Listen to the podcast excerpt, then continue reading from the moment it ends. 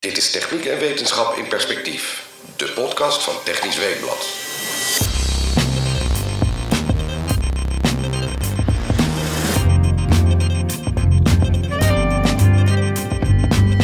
Welkom bij deze podcast van Technisch Weekblad. Mijn naam is Jan Spoelstra, hoofdredacteur van Technisch Weekblad. En bij mij aan tafel is aangeschoven Gerald Schut. Op gepaste afstand. Gerald, welkom. En we gaan het vandaag onder andere hebben over de vraag: hoe zorgen we ervoor dat de CO2-uitstoot die we in Nederland besparen niet over de grens uit de schoorstenen komt? Onze eerste gast, Martin Visser. Misschien goed om eerst even te melden. Uh, je spreekt uh, vanuit hoofden van uh, jouw lectoraat aan de Hanse Hogeschool. En veel mensen zullen jou kennen van de hashtag grafiek van de dag op Twitter. Er komen nogal eens wat, wat, wat mis, misvattingen voorbij in het klimaatdebat. En daar probeer je dan met enige regelmaat, nou ja, met heldere getallen, heldere grafieken, de aandacht op te vestigen. Ja, klopt. En ik ben een enkele keer zelf ook verbaasd hoor. En dan moet ik echt vier die dingen narekenen. Of klopt dat nou echt? Want ja, dus, dus, ja het, het, hele gebeuren is ook veel op gevoel. Mm -hmm. Maar ja, uiteindelijk CO2, dat zijn harde kilo's. En het moet, uiteindelijk moet het in de getallen zichtbaar worden dat we lager gaan in de emissies. Ja, ja, ja. Nou goed, ja, het eerste onderwerp waar ik het uh, met je over wil hebben, samen met, uh, met, met Gerald, is um, uh, ja, de CO2-uitstoot over de grens. Hè? Ik zei het net al uh, bij de intro. Uh, hoe zorgen we ervoor dat de CO2-uitstoot die we in Nederland besparen met veel pijn en moeite en geld, en uh, ja, dat, we, dat we die niet elders in de wereld uit de schoorstenen laten komen? En recent is er een rapport verschenen van het CBS samen met het, het Planbureau voor de Leefomgeving um, over de Sustainable Development Goals van de Verenigde Naties. Brede welvaart. Het rapport Brede Welvaart, inderdaad. Um, ja, twee interessante getallen die, daar, de, ja, die we daaruit destilleren. Eén, um, de CO2-uitstoot in Nederland is vorig jaar met 4% gedaald. Maar de CO2-uitstoot van Nederland over de grens is met 8% toegenomen. Genomen. Um, kun je dat uh, misschien even kort toelichten? Wat, uh, wat, wat voor trend ligt daaraan ten grondslag achter deze getallen? Ja, wat het betekent eigenlijk is dat wij importeren heel veel spullen. Met name, zeg maar, denk maar aan Azië. En om die spullen te maken daar wordt een hoop CO2-emissie geproduceerd. En als wij die spullen niet zouden kopen, zou die CO2-emissie niet worden geproduceerd. En tegelijkertijd exporteren wij veel. Nou, daar krijg je CO2-emissies van in Nederland. En als je naar die balans kijkt, dan zie je eigenlijk dat wij veel meer CO2 zeg maar, importeren met onze producten dan dat wij exporteren met de producten.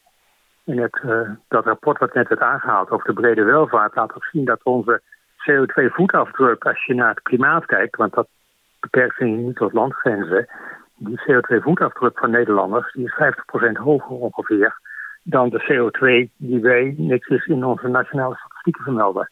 Ja, dan hebben we het over een, uh, dus de CO2-voetafdruk van een Nederlander binnen de grenzen is 10 ton CO2 en internationaal is 15, grofweg. Klopt dat? Ja, grofweg. Dit is uh, zo ongeveer 10 ton per inwoner. Dus dat is 10.000 kilogram per inwoner per jaar. Per, uh, dat binnen de grenzen is.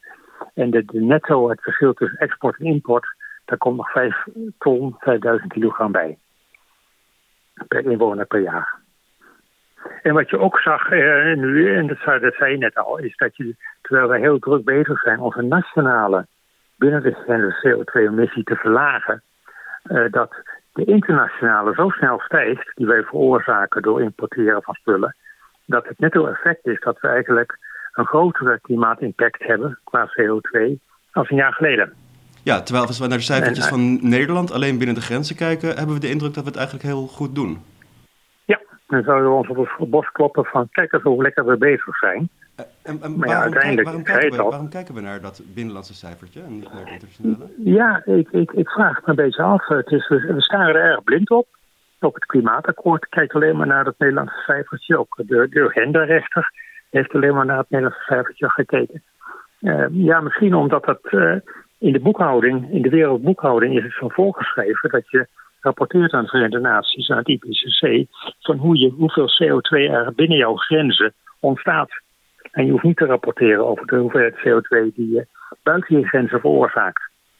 Ja, en dus, maar omdat we dat getal toch al hebben. Natuurlijk als je, ja, als klimaatje lief is, uh, dan kijk je naar wat je echt veroorzaakt in de wereld. En dan zeg je niet van, hé, hey, hier ligt toevallig een grens.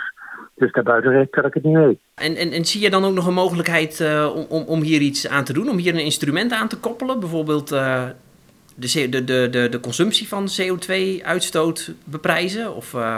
Ja, theoretisch kijken er wel naar. En economen kijken er ook wel naar. Hè. Om te zeggen, je moet CO2 toerekenen aan waar je het consumeert. Dus als ik een kilogram staal gebruik, of beton, of verzin maar wat dan, of rijst eet, uh, dan moet ik zeggen van ah, jij produceert zoveel CO2 daarvoor. Maar we hebben nu weer een afspraak gemaakt met elkaar wereldwijd om het te meten. En voor de boekhouding is het natuurlijk wel heel handig, als je boekhoudkundig bekijkt, om het te meten waar het geproduceerd wordt. Mm Uiteindelijk is productie en consumptie aan elkaar gelijk. Het Ja. is dezelfde hoeveelheid, alleen je verdeelt het anders. Dus we- we- we- omdat het makkelijker te meten is. Ja, Ja, dus ik denk dat is de meest eenvoudige verklaring. ja, ja. Hè?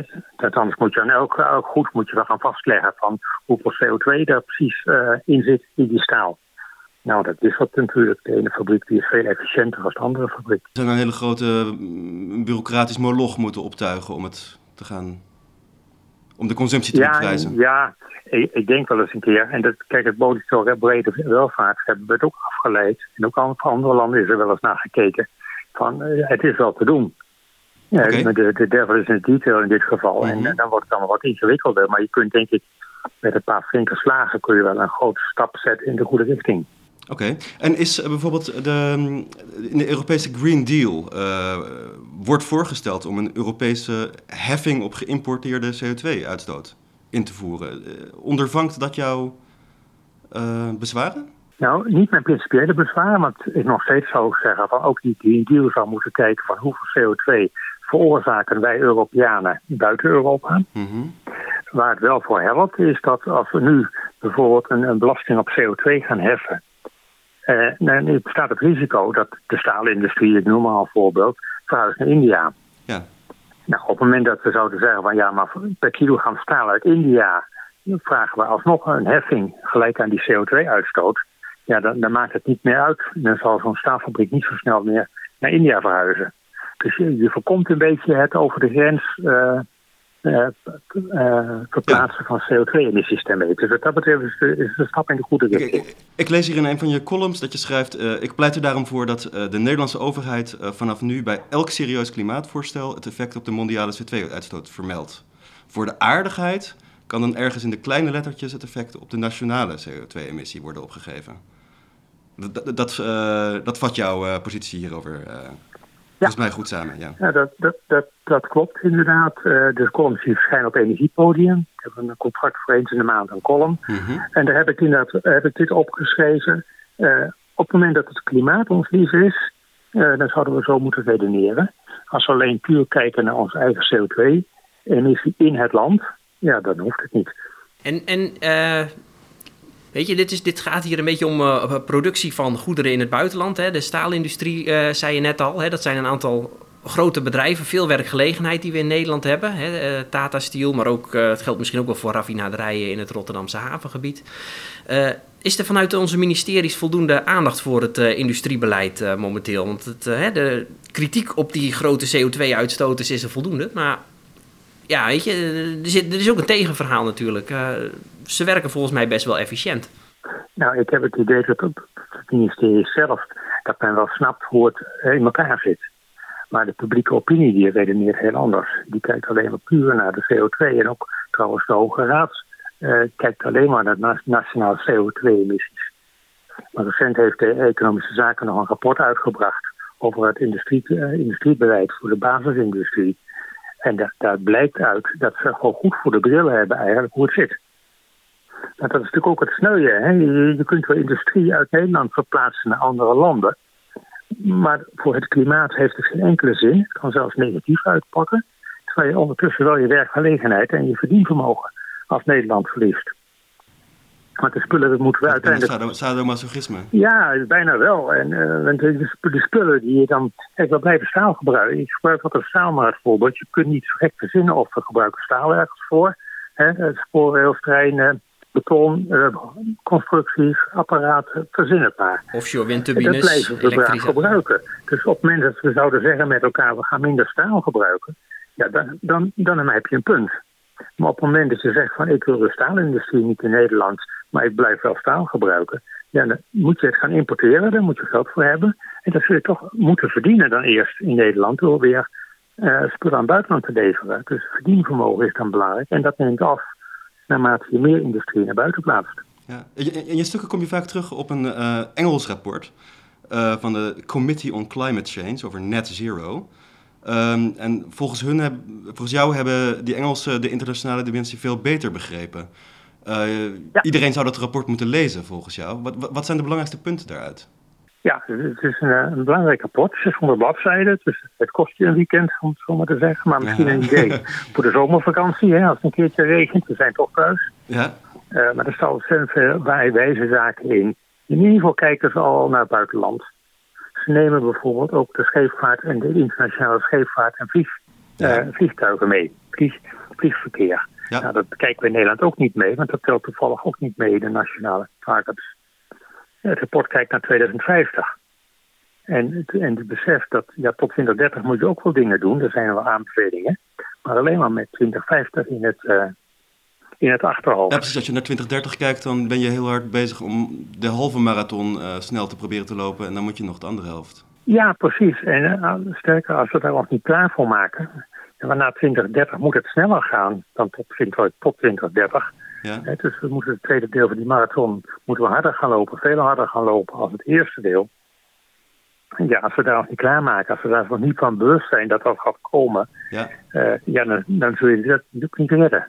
Kun je misschien uh, voorbeelden geven, Martien, van uh, strategische doelen die die Britten in hun rapport geschreven hebben, die echt op die tweede helft van die marathon, hè, dus op de periode 2030-2050 liggen? Ja, een, voorbeeld daarvan is dat ze hebben gezegd biomassa, dat vinden we prima. Maar alleen als het uit de UK komt en als er aangetoond wordt dat, het net, dat er net zoveel groeit als dat wordt geoogst.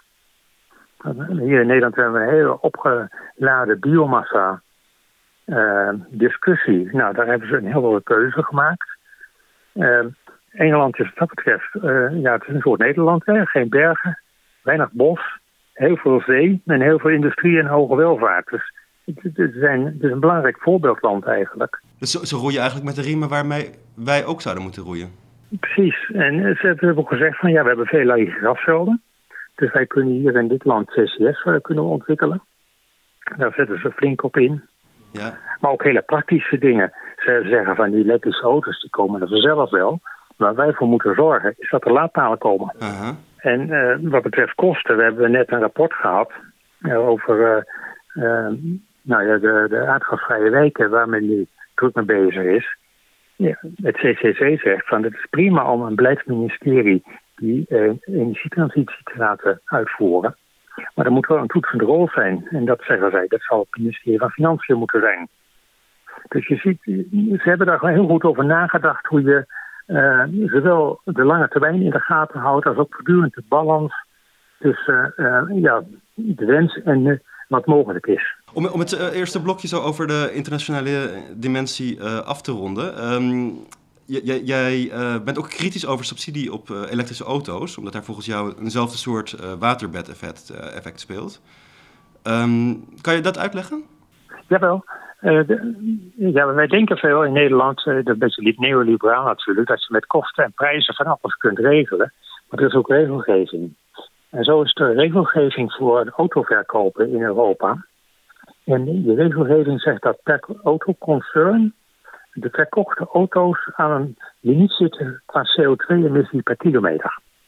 Dus zeg maar het Volkswagen-concern mm-hmm. met alle andere merken die daarbij horen. Die alle auto's die ze verkopen per jaar mogen een maximum hebben aan, en dat was voorheen 130 gram CO2 per kilometer. Ja.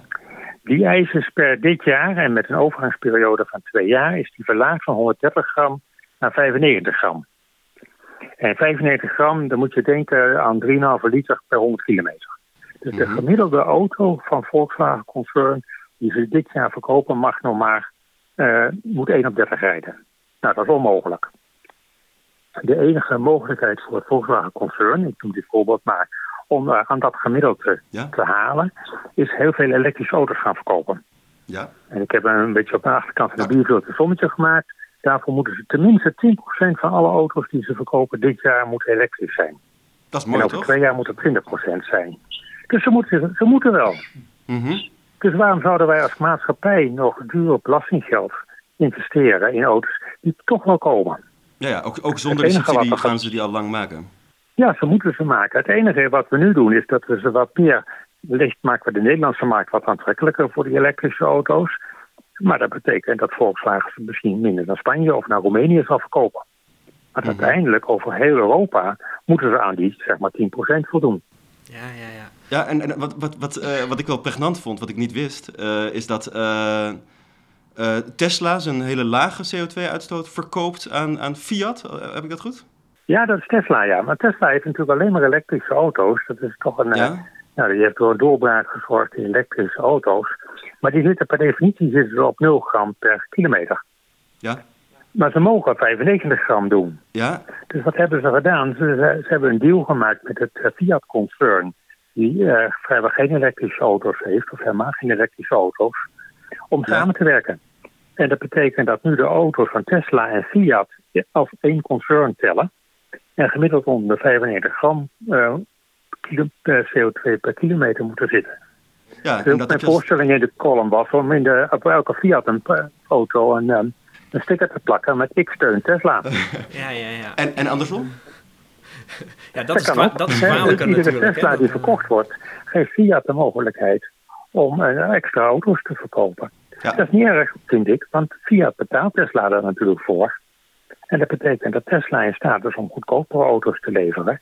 En dat Fiat-auto's, die veel CO2 uitstoten, duurder worden. Ja, dus laat Fiat de elektrische auto's maar subsidiëren, dan hoeft de Nederlandse overheid het niet meer te doen. Ja, precies. Die autoconcerns doen het zelf. En het is nu 95 gram, maar in de komende 10 jaar gaat dat nog verder omlaag. En dat betekent dat het percentage elektrische auto's die die concerns moeten verkopen, elk jaar zal gaan stijgen. Gewoon regelgeving. Eh, Martien, ik wil naar een, eh, naar een eh, andere rode draad uit jouw, eh, nou ja, laten we zeggen, jouw oeuvre op nou ja, Energiepodium of Twitter toe. Hè, dit was de internationale dimensie die we niet uit het oog moeten, moeten verliezen. En dat maatregelen die aan de ene kant eh, nou ja, het waterbed eh, indrukken, niet aan de andere kant eh, een grote bobbel veroorzaken.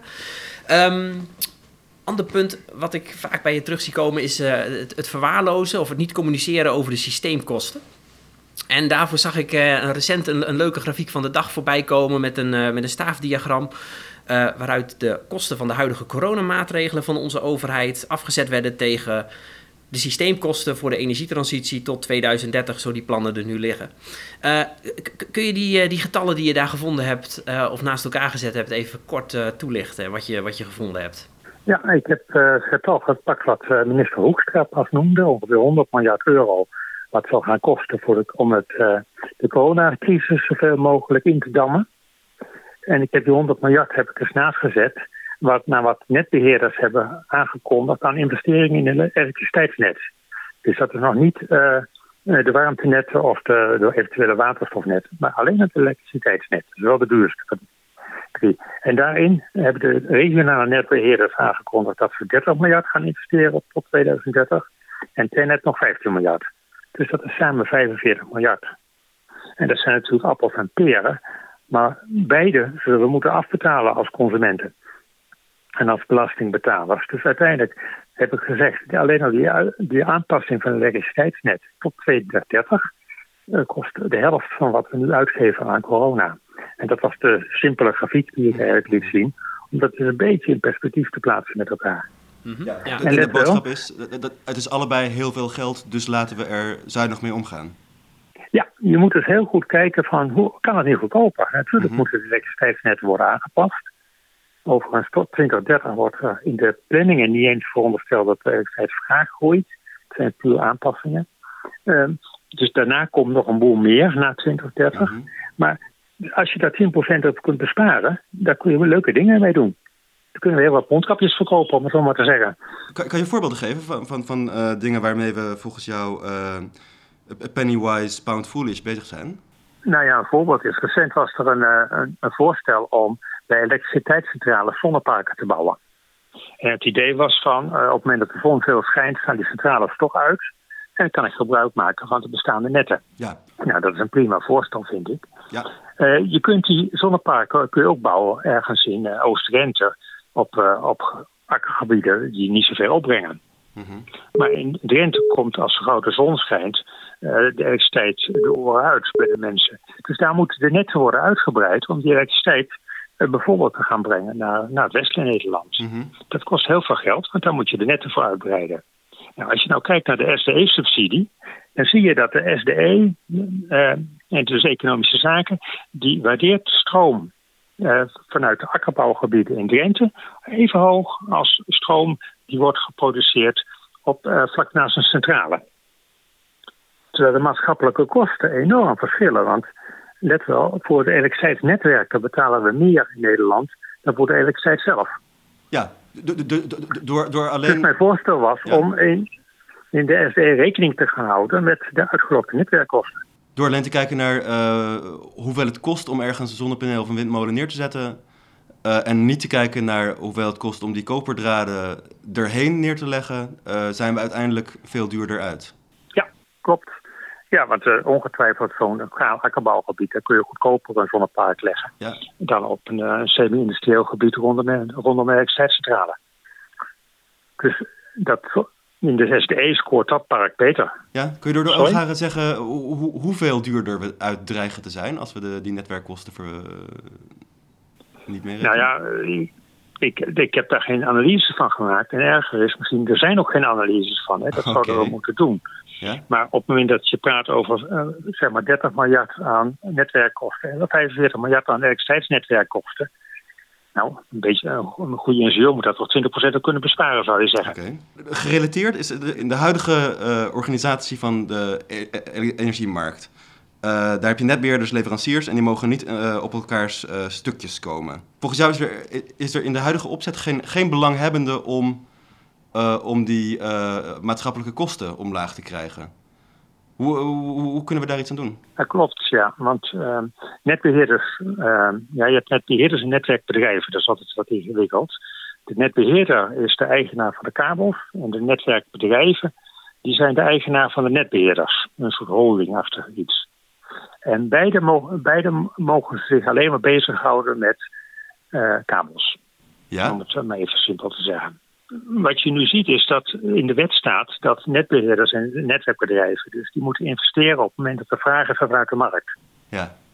En op het moment dat de vraag uit de markt is, dan moet de ACM de kosten daarvoor opnemen in de tarieven. Dat is ook wettelijk geregeld. Ja. En gaan de tarieven omhoog. Maar de tarieven gaan voor iedereen omhoog. Ze worden gesocialiseerd. En dat betekent dat wij allemaal thuis een stukje van die tarieven bijbetalen. Ja.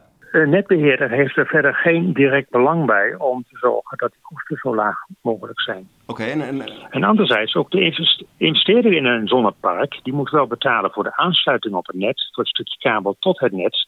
Maar het tarief wat hij betaalt over het net is nul. ja. Dus die heeft er ook geen belang bij. Dus ook voor een investeerder is het niet uh, interessant om te zeggen: well, ik ga op een duurdere plek zitten vlakbij een elektriciteitscentrale, omdat ik daarmee netwerkkosten uitspaar. Want die wordt er helemaal niet voor beloond. Dus zijn concurrent die denkt van nou, het zal me wat, ik ga ergens in Oost-Drenthe zitten. Uh, ja, die, die, heeft helemaal geen incentive. Die, die, die, heeft een voordeel, want het is goedkoper daar. Het probleem is helder, hoe, maar hoe, moet, hoe moeten we het dan wel doen? Nou, ik heb als voorgesteld om uh, de kosten voor de netwerken in rekening te brengen bij de veroorzaker. Dat zou betekenen te stoppen met de socialisatie van de kosten. Maar ik besef ook dat het best ingewikkeld is. En daarom heb ik uh, onlangs in een position paper voor de Tweede Kamer het voorstel gedaan om in de ranking op de SE, om daar rekening mee te houden met de netwerkkosten. En dat betekent dus dat een Mhm. project wat ingeleverd wordt bij de SDE, uh, nou noem maar de panelen bij de centrale, die krijgt een hogere ranking dan een concurrerend project wat ingeleverd is uh, ver weg, waardoor dure netwerkinkosten, inpassingskosten nodig zijn. Hoe, hoe, hoe is dat ontvangen, uh, Martien? Het gaat zo, je levert dat in bij de Tweede Kamer samen met anderen en die stellen dan vervolgens vragen aan het uh, kabinet van de minister van Economische Zaken. En ik zag dat veel politieke partijen hebben dat, die suggestie opgepakt. Dus ik hoop nu dat Economische Zaken in zijn beantwoording uh, gaat zeggen van, nou, daar gaan we iets mee doen. En ook daar geldt van, uh, ideaal krijg je het natuurlijk niet. Maar met enkele simpele aanpassingen moet je wel een groot deel van het effect kunnen bereiken. Om, om, om dit blokje af te sluiten, je, uh, je maakt je zorgen ook om de uh, stabiliteit van de Nederlandse energievoorziening. Nu hebben we in, in, Rotterdam uh, drie maanden benzine liggen. We hebben, ik geloof, 15% van de Nederlandse energievoorziening in, in, in, in gasopslag zitten. Dus we, we, we, we zijn nu heel robuust. En straks dreigen we dat allemaal niet meer te hebben. Hoe, hoe, hoe zorgen we er dan voor dat we een, een, het een tijdje uit kunnen zingen? Ja, daar moeten we inderdaad goed over, goed over nadenken. Uh, we gaan natuurlijk steeds meer elektrificeren in Nederland. De elektriciteit wordt belangrijker. Ja. En op dit moment uh, maakt uh, de elektriciteitssector maakt gebruik van gascentrales. Dus op het moment dat het nou een weekje niet waait en de zon schijnt niet, of een paar weken langer minder waait als dat gewenst is, dan gaan de gascentrales aan en die halen gas ofwel uit de import ofwel uit de bergingen die we hebben, de hele grote bergingen. Uh, we hebben afgesproken met elkaar dat we naar nul CO2 gaan in 2050. En in 2030 hebben we denk ik nog iets van nou, 20 gigawatt aan gascentrales staan. Dus als je zegt van ik ga een lineaire route naar 2050, dan zou ik elk jaar 1 gigawatt aan gascentrales moeten afdanken. Uh -huh. Nou, dat gaat het eerste twee jaar nog goed. En het derde jaar wordt opvallend. En dan op een gegeven moment is er geen oplossing meer. Dus we denken eigenlijk onvoldoende na. We zijn onvoldoende bezig nu hebben gezegd, met na te gaan van hoe gaan we de aardgascentrales uitfaseren. En ook daar zijn die Engelsen veel verder in, want die hebben gezegd van nou, wij kiezen voor twee mogelijkheden. Uh, enerzijds gaan wij aardgascentrales uitrusten met CO2-opslag, CCS. Mm -hmm. En dat zijn dan de aardgascentrales die in 2050 nog veel, veel dragen, veel draaiguren maken. En daarnaast heb je nog een aantal centrales die eigenlijk nooit aanstaan, maar in geval van nood ook moeten zijn. En die willen ze met waterstof gaan voeden. Dus daar is een concreet plan gemaakt van hoe ze dat willen gaan aanpakken. En uh, ja, de regering moet daar nog wel besluiten over nemen. Maar er ligt in ieder geval een, begin van een plan. En in Nederland, ja, ik denk wel eens een keer, heel stiekem, uh, denken we, nou ja, die aardgascentrales die hebben het heel leven, die blijven mooi staan en blijven mooi draaien. Maar op die manier krijgen we onze elektriciteitsvoorziening nooit CO2-vrij. Ja, misschien. Uh, ja, ik, ik, moet nu even denken, Martien, ook aan, het, uh, aan groen gas. Zit daar in Nederland geen oplossing in? Hè? Um, regelmatig komt, lees ik nu in de media, uh, toch een pleidooi om meer gebruik te maken van groen gas. En dat wordt eigenlijk een beetje gediscrimineerd momenteel. Als ik een warmtenet thuis zou hebben die met biomassa, die op basis van biomassa warm water bij mij thuis brengt, betalen we daar geen energiebelasting over. Maar als we groen gas in onze netwerken pompen, uh, volgens mij betaalt, uh, wordt daar wel over, uh, belasting over betaald. Ja. Dat, dat, dat zit een beetje scheef, dat wringt een beetje. ja, wat is jouw mening daarover? Ja, dat klopt. Het, het, gaat ongeveer voor een gemiddeld woning gaat het om 700 euro belasting per jaar met de huidige tarieven. Die je wel moet afdragen als je de, de groen gasroute volgt. En die je niet moet af, aftikken op het moment dat je warm water van maakt via het warmtenet. Zit ook weer een link. En dat geeft natuurlijk de maatschappij een incentive uh, om het via de warmte, uh, via het warmtenet ja. te doen. Ook in gevallen dat er een groen gasnet ligt. Dus de, zeg maar, de extra kosten voor het warmtenet worden op die manier gefinancierd uit de, de uitgespaarde belastingen. Dat is eigenlijk een ander voorbeeld van Pennywise Pound Foolish. Ja, ook daar is een voorbeeld van, en dat zie je ook in de SDE. Daar wordt geen rekening mee gehouden met dat uh, iemand die aan een voorstel doet voor een project om biomassa om te zetten in groen gas, dat dat geld, die subsidie grotendeels weer terugkomt door de belasting die later moet worden afgedragen. Dat ja. zit niet in de SDE. En dus ja. geeft de SDE voorkeur aan projecten waarbij je biomassa omzet in warm water. Ja, ja, ja. En dat terwijl je nog wel met uh, uh, dit groene gas kan gebruik maken van bestaande infrastructuur. Dus daar zit ook weer die link in met, met, met die systeemkosten die dus hierdoor hoger zijn ja. hè, met warmtenetten. Ja. Ja, ja. ja, dat scheelt heel veel. Ik heb dat ook in een grafiekje laten zien aan de Tweede Kamer. Maar dat is, het is enerzijds is het fiscaal, uh, uh, nou ja, een verle zullen we zeggen. Anderzijds heb je ook nog de kosten van het netwerk. En volgens de SDE kosten is dus het omzetten van een, nou, warmtenet van je biomassa naar warm water veel aantrekkelijker. Terwijl als je kijkt naar je maatschappelijke kosten, en uiteindelijk moeten we die toch betalen over nationale ja. kosten, dan zie je dat de groen gasroute dik wint. En dan heb ik in dat grafiekje niet eens meegenomen dat je, als je toch groen gas hebt, dat je ook de hybride warmtepomp nog zou kunnen gebruiken. Waardoor je met dezelfde biomassa, hoeveelheid biomassa twee of drie keer zoveel woningen kunt uh, verwarmen. Ja, we, we, we, hebben toch amper groen gas? Ja, dat, dat is ook wel logisch natuurlijk. Op het moment dat je wel de andere vaker sterk stimuleert, maar de groen gasroute niet, ja, dan zal, dan zal er weinig komen. We hebben ongeveer 100, 120 miljoen kubieke meter groen gas. Daarnaast hebben we ook nog vrij veel biogas. Ja. Dat is uh, groen gas wat niet in de gasleiding komt, dat noemen we biogas. Het heeft ook een iets andere samenstelling. Maar, welk deel van onze huidige gasvraag zouden we in 2030 met, ja. bio, met, met, groen gas kunnen dekken? Uh, nou ja, ik, ik, praat even liever over de biogas. Want ja, deels verbranden we dat meteen en zetten we dat om in elektriciteit en warmte. Mm -hmm. Maar uh, we hebben nu iets van 350 miljoen kubieke meter biogas. Ja. Nou, een beetje goed geïsoleerde woning heeft 1000 kubieke meter nodig. Dus het is een beetje goed geïsoleerd. Dan zou je, nou reken maar uit, 350.000 woningen ja, ja, ja. Uh, kunnen voorzien van groen gas. Op het moment dat je die woningen een hybride warmtepomp geeft, je aan 800.000 woningen. En dat is op dit moment voor, al voldoende voor Noord-Nederland, Friesland, Groningen en Drenthe. Ja. En dan praat ik over biogas, moet ik zeggen. Ja, precies, maar dat, is wat we nu hebben. Maar, maar hoe, hoeveel kunnen we straks hebben? Uh, ik, ik, ik, zag het ook, het was een Twitter-draadje met een staartje... waar jij met uh, Henry Bontebal uh, aan het, aan het ehm, bezig was... over hoeveel groen gas we gaan hebben in, ja. in 2030. En volgens jou is dat veel meer dan, dan, dan waar mee gerekend wordt. Toch? Ja, er zijn wat analyses gedaan en die komen eruit dat in, in 2050, in 2030 zou er ongeveer 2 miljard kubieke meter ja. gas moeten zijn. Dat is afspraak in het klimaatakkoord. En er zijn analyses dat in 2050 dat er ongeveer 10 miljard kubieke meter kan zijn. En dat, dat, binnen de beschikbare hoeveelheid biomassa is dat mogelijk. Ja. Op dit moment uh, zegt het planbureau Leefomgeving van die 18 miljard kubieke meter groen gas, uh, die gaat vooral naar de industrie. Ja. En dat blijft voor de bebouwde omgeving blijft er 2 miljard kubieke meter over. De precieze achtergrond, daar weet ik daar niets van. Maar ze zeggen er is 2 miljard kubieke meter groen gas in de toekomst voor uh, de gebouwde omgeving. Ik heb daar zelf wat twijfels over, omdat ook in de industrie zou ook waterstof komen.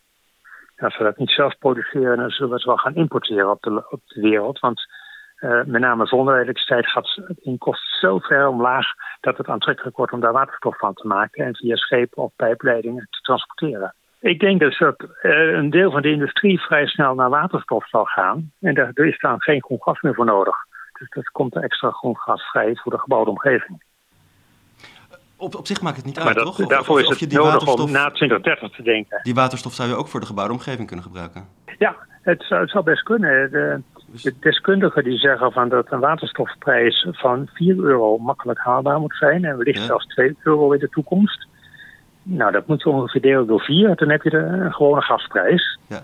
De, 1 kilogram waterstof, dat is ongeveer 4 kubieke meter groen gas of uh, aardgas. Mm Dus dan praat je over een gasprijs van 50 cent tot een euro. Nou, dat is concurrerend met elkaar. En dat betekent op een gegeven moment zal waterstof en groen gas, mensen inziens, met elkaar gaan concurreren. En uh, ja, op het moment dat groen gas duurder wordt dan gepland en waterstof misschien goedkoper dan, dan we nu denken, uh, zal waterstof meer naar de gebouwde omgeving gaan. En uh, andersom, dan zal het wat meer groen gas blijven. Martien, um, mensen denken misschien nu, hè, we hebben het nu ineens over moleculen en gas en alles wat door onze gasleidingen kan stromen. Mensen denken nu misschien, uh, die Martin Visser, die is uh, ook van GasUnie. Um, ja, wat, wat, uh, hoe, wat, wat zou je tegen die mensen willen zeggen? Ja, ik zou zeggen, volg mij op Twitter of lees mijn columns. En dan zie je wel dat ik een brede blik heb. Ik loop ook tegen mijn pensioen aan, dus dat, dat maakt het ook allemaal wat makkelijker. Het, het, voordeel dat ik bij, ook bij GasUnie werk naast mijn lectoraat is wel dat ik uh, ja, de energiemarkt in zich heel kan overzien. En dat, dat is leuk, want dan kun je dat met elkaar vergelijken, de diverse opties. Mm -hmm. Maar ik, ik, moet zeggen, toen ik begin op Twitter actief werd, uh, toen kreeg ik nog wel eens een keer het verwijt van ja, pas op, want die werkt bij GasUnie. Mm -hmm. Maar nou, ik heb uh, de laatste jaren geloof ik niet meer dat verwijt gehad. Want, okay. Nogmaals, ik probeer echt het hele Nederlandse energiesysteem te bestrijden. Ja, en... kijk op de klok, we moeten, we moeten gaan afsluiten. Jan. Ja, ja, ja. Nou goed. Um, ja, ik, dus nog wel, ik, ik ben nog even benieuwd naar, naar één laatste vraag. Um, als je kijkt naar uh, succesvolle milieu-innovaties die echt grote impact hebben, dan liggen daar vaak hele scherpe keuzes van de overheid aan ten grondslag. Eh, denk bijvoorbeeld aan uh, wat Duitsland momenteel doet met, met, met, uh, met batterijtechnologie en elektrische auto's. Of aan wat Denemarken gedaan heeft met offshore wind of met, met, met windenergie. Hè. In de jaren tachtig keken we daar toch wat gek tegenaan. En nu bouwen ze wereldwijd die offshore windparken. Um, zijn er bepaalde scherpe keuzes die Nederland nu kan maken, waarmee je echt een bepaalde industrie enorm kan, kan stimuleren en waarmee je echt het verschil maakt? Ja, dat, dat, dat is eigenlijk denk ik de grote kunst. Als we echt, als we echt een bijdrage willen leveren aan het klimaatakkoord, dan moeten we ook buiten onze grenzen denken. Dan moeten we kijken aan welke zaken kunnen we hier ontwikkelen, die we vervolgens, als ze succesvol zijn, in de hele wereld, of een groot deel van de wereld kunnen uitrollen. En de offshore wind van de Denen, hè, iedereen verklaarde ze voor gek, inclusief ik zelf moet ik zeggen, in het begin jaren 80, uh, dat ze offshore wind gingen bouwen, is een voorbeeld daarvan dat ze A, wereldwijde impact hebben, ondanks het feit dat het maar een klein landje is, en ook bovendien een industrie hebben opgebouwd die, uh, waar ze nu heel veel plezier van beleven. Uh, Duitsland heeft dat in zekere zin gedaan met zonnepanelen. Uh, helaas geen industrie, maar ze hebben wel wereldwijde impact gehad, omdat mede door hun inspanningen zonne-energie veel goedkoper geworden is. Nou, ik denk voor Nederland, er zijn best wel opties. Je moet kijken van, goh, waar zijn wij goed in? Uh, wat kun je idealiter hier laten zien, demonstreren? En wat kan ook wereldwijde impact hebben? En dat zal het in hebben als de kosten maar laag genoeg zijn. En, en welke concrete nou, dingen zit je dan, dan? Oh, sorry. Ja, in Nederland, nou, we hebben veel ondiepe zee. Dus de offshore, offshore industrie zou goed kunnen zijn. We denken nu aan offshore wind. Misschien in de toekomst offshore waterstof. Uh, CO2-opslag. Uh, alle alle scenario's, wereldwijde scenario's die in de 2 graden of 1,5 graden buurt komen, die hebben allemaal veel CCS. Nou, hebben lege gasvelden en we hebben industrie vlak bij de kust. Dus wij kunnen dat als geen ander ontwikkelen. We hebben ook de kennis van de ondergrond. Ik heb ook wel eens heel gek zitten denken aan rijst. De productie van rijst, teelt van rijst veroorzaakt enorm veel methaanemissies. Dat is een sterk broeikasgas kunnen wij met onze kennis en kunde van Wageningen en, en, en daaromheen niet rijstsoorten ontwikkelen die veel meer, minder methaanemmissies veroorzaken. En tot slot zou ik willen zeggen, dat ik heb diepe geotomie. wij kennen de ondergrond heel goed. Misschien zijn wij in staat in Nederland om diepe geotomie uh, commercieel tegen lage kosten te ontwikkelen. misschien dat het mislukt. Dat heb je altijd natuurlijk een risico van. Maar als het lukt, dan, uh, dan heb je echt iets bereikt.